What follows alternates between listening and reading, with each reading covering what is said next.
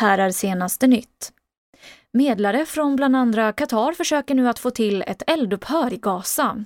Enligt källor till nyhetsbyrån AP är ambitionen att få till en vapenvila på flera dygn i utbyte mot att Hamas släpper kidnappade som hållits fångna sedan terrorattacken mot Israel. Svenska UD har ännu inte fått några signaler om när de drygt 500 svenskar som befinner sig i Gaza kan evakuera. I tio års tid har Utrikesdepartementet avrått från resor till området. Vi har Svante Liljegren som är chef för konsulära enheten på UD. Det vi kan konstatera är att den svenska listan på drygt 500 personer, den är lång. Och det är få länder som har lika långa listor så att säga. Eh, och det skulle möjligen kunna utgöra en bromsande faktor för, för oss.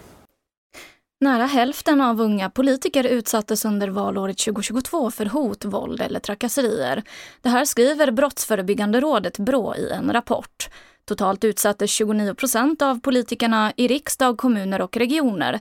Mest drabbade var personer inom Miljöpartiet där nästan varannan uppger att de utsatts för hot, våld eller trakasserier. Och med 45 dagar kvar till julafton har kanske en och annan börjat fundera på julklappar. Enligt Myrorna så vill så många som sju av tio svenskar gärna ge bort second hand-klappar. Och för andra året i rad utser Myrorna årets second hand-julklapp. Och i år är det en klassisk vinylskiva.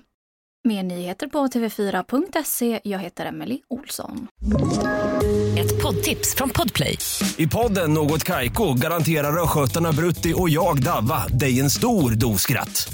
Där följer jag pladask för köttätandet igen. Man är lite som en jävla vampyr. Man har fått lite blodsmak och då måste man ha mer. Udda spaningar, fängslande anekdoter och en och annan arg rant.